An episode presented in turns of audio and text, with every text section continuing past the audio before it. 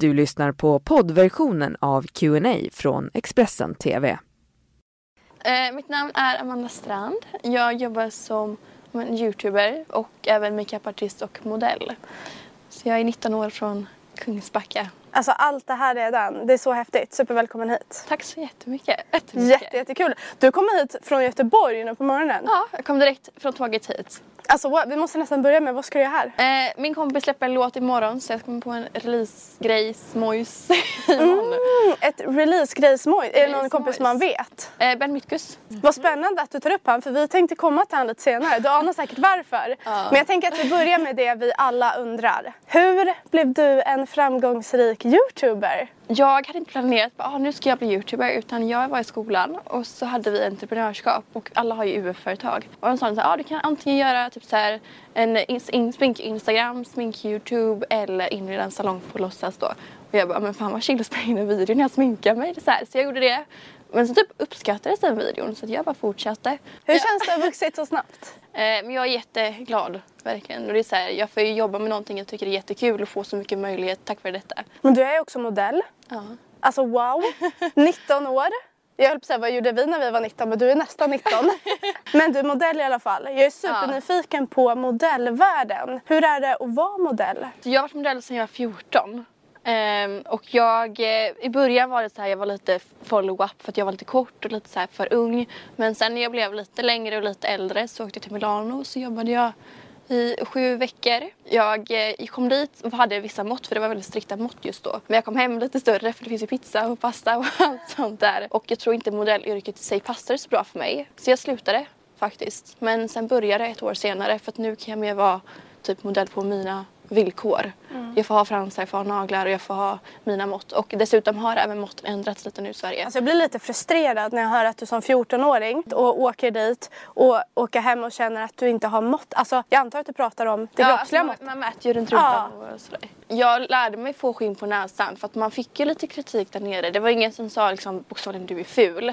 Men det var verkligen så här kolla i min portfolie och så bara nej, det är, nej, typ så här. Och de kunde säga bara du är lite stor där, lite stor där. Men jag lärde mig, jag vet ju om att jag är ju inte tjock någonstans. Utan det är bara alltså, modebranschens skeva ideal som mm. har suttit här. Men eh, jag tog beslutet att sluta. Många kanske bara, varför sluta som modell och oh my god det är ju drömjobbet och wow. Men det är ju inte så glamoröst som det ser ut. Utan jag bodde i typ en lägenhet med fyra andra tjejer. Jag delade säng med någon från Brasilien och jag tyckte inte alls om henne. Och det var så här, ja, det är inte så glamoröst som man tror. Ja. Men du, nu ska vi gå in på det som du själv gick in på. Vi alla undrar ju en sak. Ja. Ben Mitkus, vad är det som händer? Alltså det, det, är ingenting som händer utan alla hetsar så mycket om det här och jag är så trött på det där. Nej! Ni har ju börjat umgås väldigt mycket har man ju ja. sett på båda era kanaler. Ja. Eh, hur kommer det sig? Alltså, vi var kompisar 2015 från början. Eh, vi alltså, träffades på One konserten för många, många år sedan och det kom som dess. Men sen har vi inte vi umgås kanske så tight. Eh, men sen var det bara typ att jag var i Stockholm och bara jag är jätte, jättelagd, kan hon umgås med mig? Jag kommer somna annars. Och så ville han umgås. Sen bara alltså, har vi klickat ännu mer nu, kanske några år senare.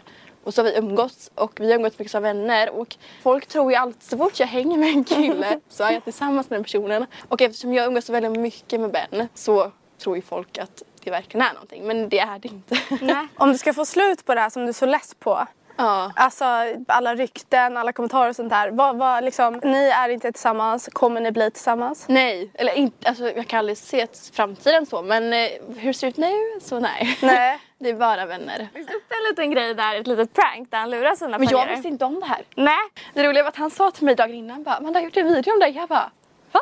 Så här. Och sen bara dagen efter så bara la han ut den såg det jag blev typ prankad. Mina föräldrar trodde ju att jag hade gått och blivit kär i honom. bara, Varför har du inte sagt någonting till oss?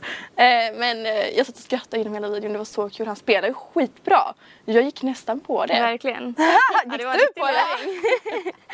men eh, det fanns ju en annan kille i ditt liv, eller kanske fortfarande finns. Eh, en eh, kille i USA.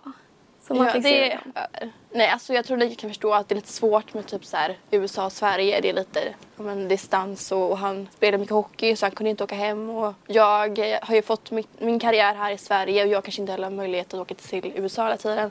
Men det är ingenting som har hänt så utan det var bara att jag kände att just nu så passar det inte. Du är singel nu. Ja, Mm. Och det singel det bara går att bli tror jag. Ja, vad härligt.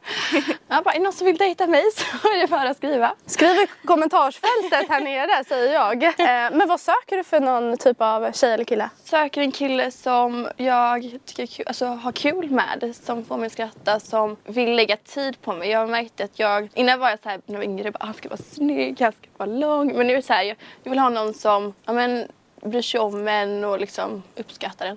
Okej, men gud vad spännande. Ehm, framtiden. Ja. Vad händer då? Du bor hemma Ja. i Göteborg. Ja. Ska du fortsätta bo där? Nej, alltså mitt mål är att flytta till Stockholm innan sommaren. Oj! Innan sommaren? För jag har ju två vänner, Hanna Färm och Omar Rudberg. Och alla vi vill bo i Stockholm. Vi alla är i Stockholm hela tiden. Så vi tänkte så här, vi kanske kan flytta ihop så blir det mycket billigare för det är så dyrt med lägenhet i Stockholm. Ja, men du är supervälkommen hit. Tack! Men supertack för att du har varit här. Jättetack. Tack själv att vi fick få komma hit. Så himla kul att du kom och bjöd på dig själv. Ja. Hejdå! Hej! Usch vad pinsamt det var! Alltså jävlar vad många man... Du har lyssnat på poddversionen av Q&A från Expressen TV. Ansvarig utgivare är Thomas Mattsson.